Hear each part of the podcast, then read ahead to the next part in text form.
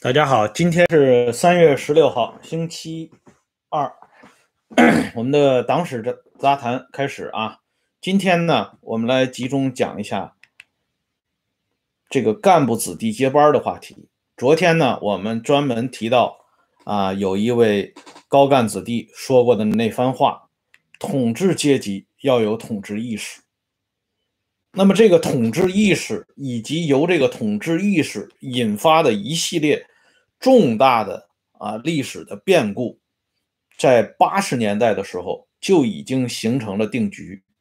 啊，昨天我向大家介绍了这位老一辈无产阶级革命家陈云和他的孩子的这么一段啊往事，特别是严怀老先生呢提供的这么一段回忆啊。当初陈元有过这么一番精彩的论断：统治阶级要有统治意识。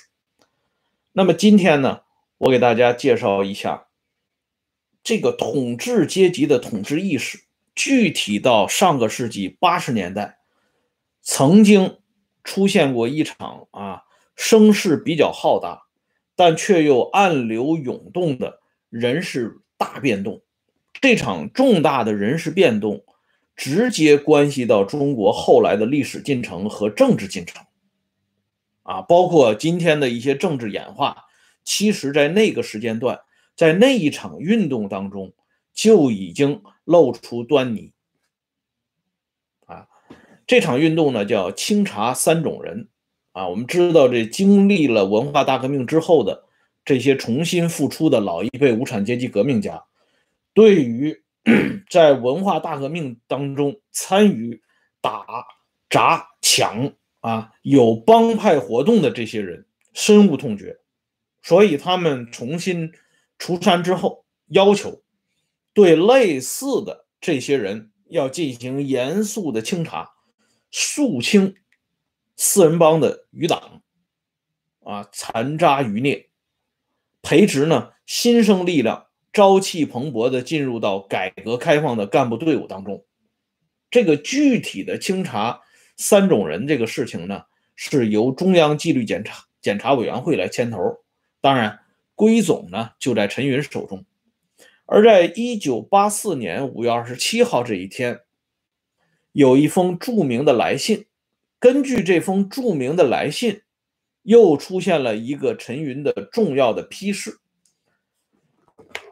之前的节目里啊，我已经给大家介绍过关于联动这个事情啊。我们都知道，像经常在开会的时候沉默木讷的李先念，居然在二月逆流的那种情况下，都站出来替联动喊了一声，给联动撑腰。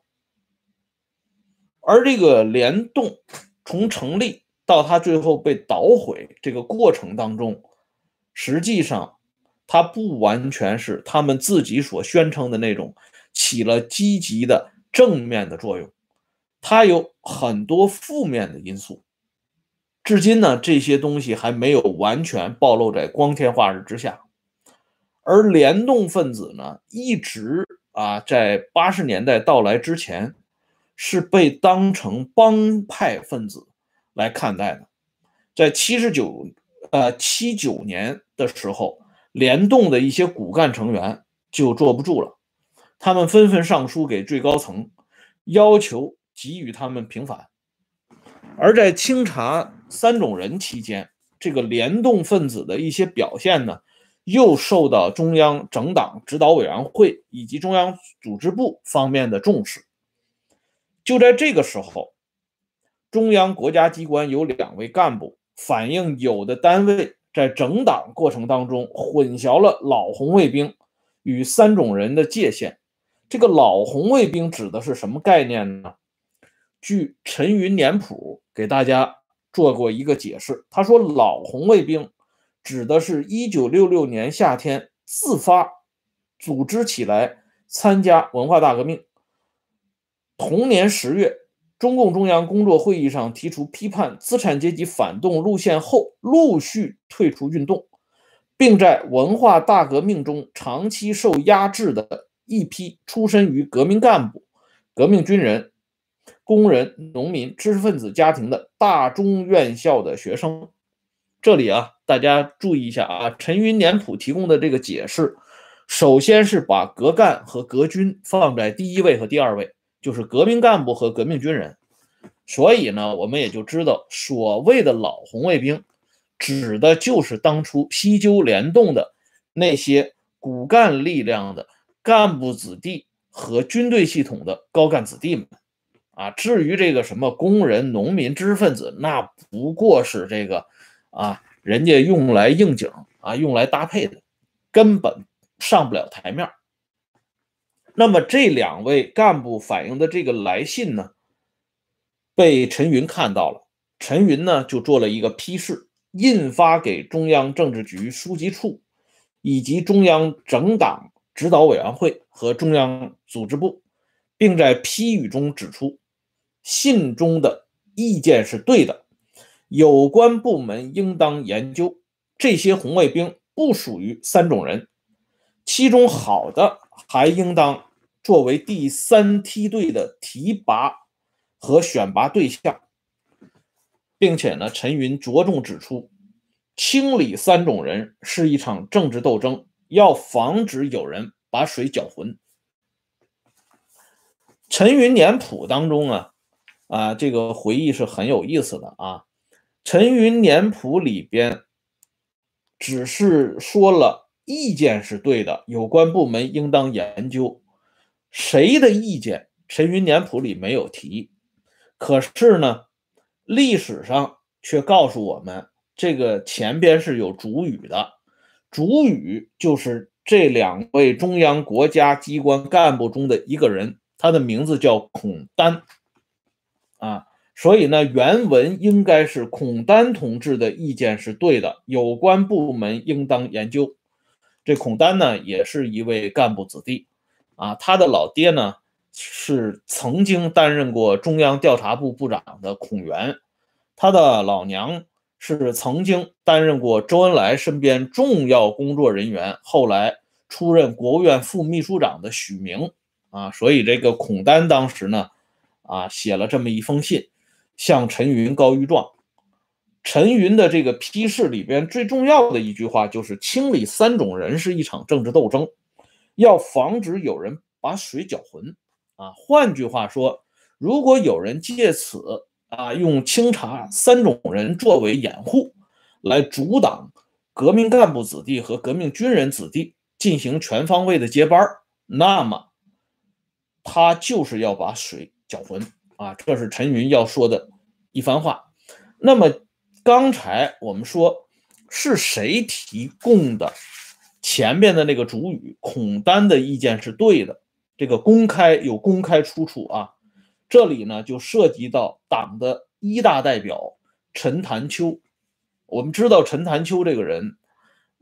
后来呢他到盛世才那里啊做统战工作，化名徐杰。陈潭秋、毛泽民、林基禄这三个人是中央派到盛世才那里的三巨头。可惜呢，这三个人后来都被盛世才给搞掉了。陈潭秋有一个儿子，他的名字叫陈楚三。啊，此公呢是大大的有名啊。今天呢，很多年轻人根本就没听过这位老先生的名字。可是呢，在我的父辈的眼中，陈楚三。在文化大革命初期是一个风云人物啊！我老爹他们这代人呢，跟陈楚三他们都是同龄人，而且呢，当时都是这个名牌大学里的这些同学们、校友们，在文革初期大串联的时候，陈楚三的名字那是很响亮的。而陈楚三的名字更响亮的时候，是体现在刚才我提到的清查三种人的时候。陈云有一个专门的批示啊，清查三种人，像陈楚三、蒯大富这种人是绝对不能重用的啊。也就是说，在陈云眼中，陈楚三和蒯大富都是名正言顺的三种人，是一定要踢出去的，这叫阶级异己分子。可是呢？后来这情况就发生变化了。我给大家看一下啊，陈云当初的这个批示，我陈楚三有过一个回忆，我也给大家发上来了。这个回忆呢，是出现在陈楚三晚年的回忆录《人间重晚情》这本书当中。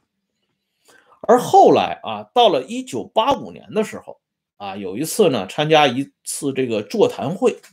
陈楚三意外的碰到了陈云的一个秘书。陈云的这个秘书啊，告诉陈楚三啊，说当初呢出了这么一个误会啊，陈云同志呢把我给批评了。那秘书说，陈云把他批评了。陈云为什么批评呢？陈云的原话说：“你怎么不早说呢？”你要是早告诉我，陈楚三是陈潭秋同志的儿子，我就不会做那样的批示了。哎，这个秘书呢，实际上是好心，告诉陈楚三啊，当初呢，这个陈云同志做出的这个批示，是因为陈云同志不知情啊，不知道你是党的一大代表啊，中央代表。陈潭秋同志的儿子，啊，如果早一点知情的话，你不会跟蒯大富站到一起去。这陈楚三呢，呃，听完这个话之后，没有像一般老百姓的孩子那样啊，感恩戴德、感激涕零，放下包袱，反而呢，还产生了一些不以为然。这个陈楚三的不以为然，用他自己的话说啊，我给大家念一下啊，陈楚三说。陈云这位过去威望很高的老一辈革命家，在我心目中的形象一下子降低了不少。外人写的东西不合自己的意，就无限上纲；而自家人写的东西错了，也可以格外宽容。作为党的高层领导人，怎么能以亲疏关系作为判断是非的标准呢？啊，这是陈楚三。呃，晚年自己回忆当时自己的这个心情，由此呢，陈楚三还另外举了一个例子，这个例子呢，说的就是清华大学党委宣传部副部长罗征启的遭遇。这个罗征启啊，啊，进入到中央党校去进行培训，已经确定为第三梯队的领路人了。因为罗征启进入到中央党校的时候，他担任的那个班的班长，而田纪云呢是那个班的副班长，而那个班里边很多学员日后都是头角峥嵘之辈，其中有一个学员的名字大家都熟悉，就是已故的党和国家重要领导人魏建行，所以这个罗征启啊，已经内定为一旦毕业之后。就调为团中央的书记处书记，这是标准的第三梯队。然而啊，罗征启却遭遇了一番不平凡的经历。他毕业之后呢，非但没有如愿以偿担任团中央书记处书记，并且连清华大学也回不去了。原因就在于罗征启曾经给一位老一辈无产阶级革命家写过一封多余的信，说了一番多余的话啊，就跟这瞿秋白一样。因为这位老一辈无产阶级革命家的儿子要在一九七九年通过清华大学外事办公室走公费留学这条路到国外呢镀金。而当时呢，清华大学公费留学的名单已经确定完了，可是这位高干子弟呢，就是想走这条路，啊，一些重要的领导人，王震呢，包括清华大学的党委书记，都同意。可是这件事情呢，在清华和北大引起了轩然大波。罗征起出于对这位老一辈无产阶级革命家的尊敬、尊重和对这位。高干子弟的爱护，就写了一封信，希望这位老一辈无产阶级革命家主动出面，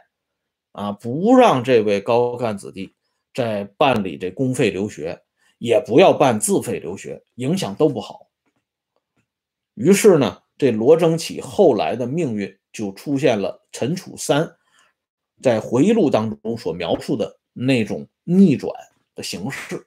啊。从这个例子里边呢，陈楚三说了这么一句话，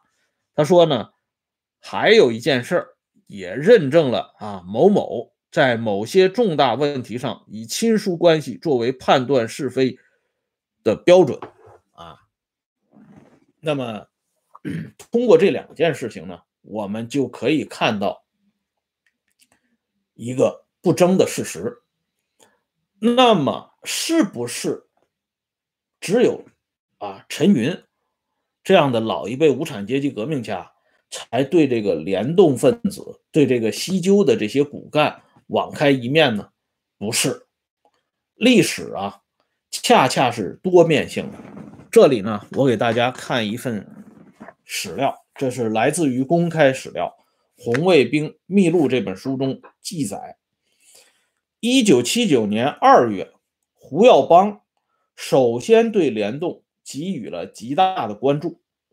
他在牛婉平和马晓军等人的申诉书上批示，有关部门应该对联动问题做一个实事求是的善后。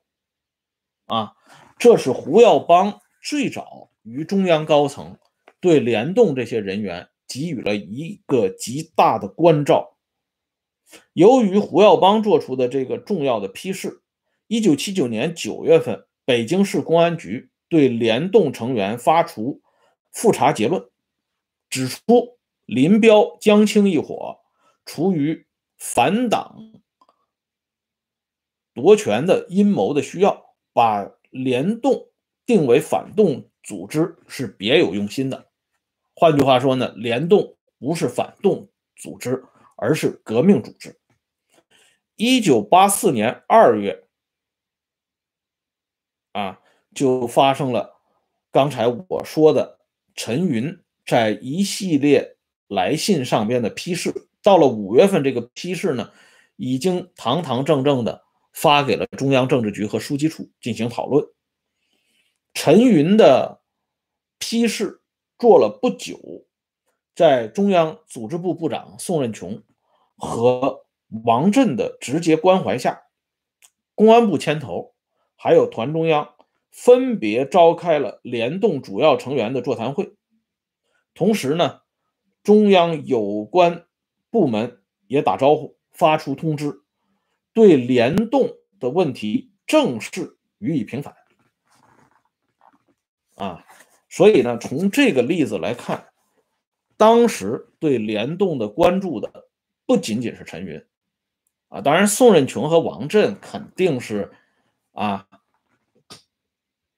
按照陈云的意图来进行这个啊布置。那么胡耀邦呢，可以说是先于陈云，就对联动这件事儿做了一个重要的啊表态。那么胡耀邦的这种表态呢，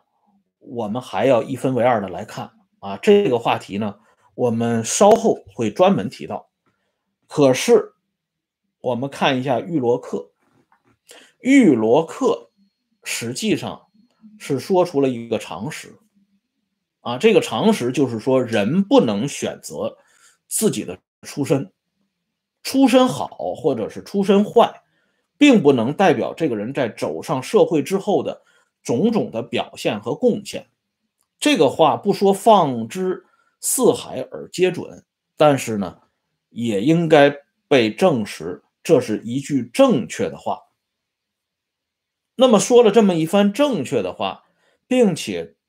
同那些不正确的东西进行过斗争，并且付出了沉重代价的玉罗克，在文化大革命结束之后，他的遭遇是什么呢？在玉罗克的遗作与回忆这本书当中，啊，有一位大学的教授叫印洪彪，印洪彪先生呢，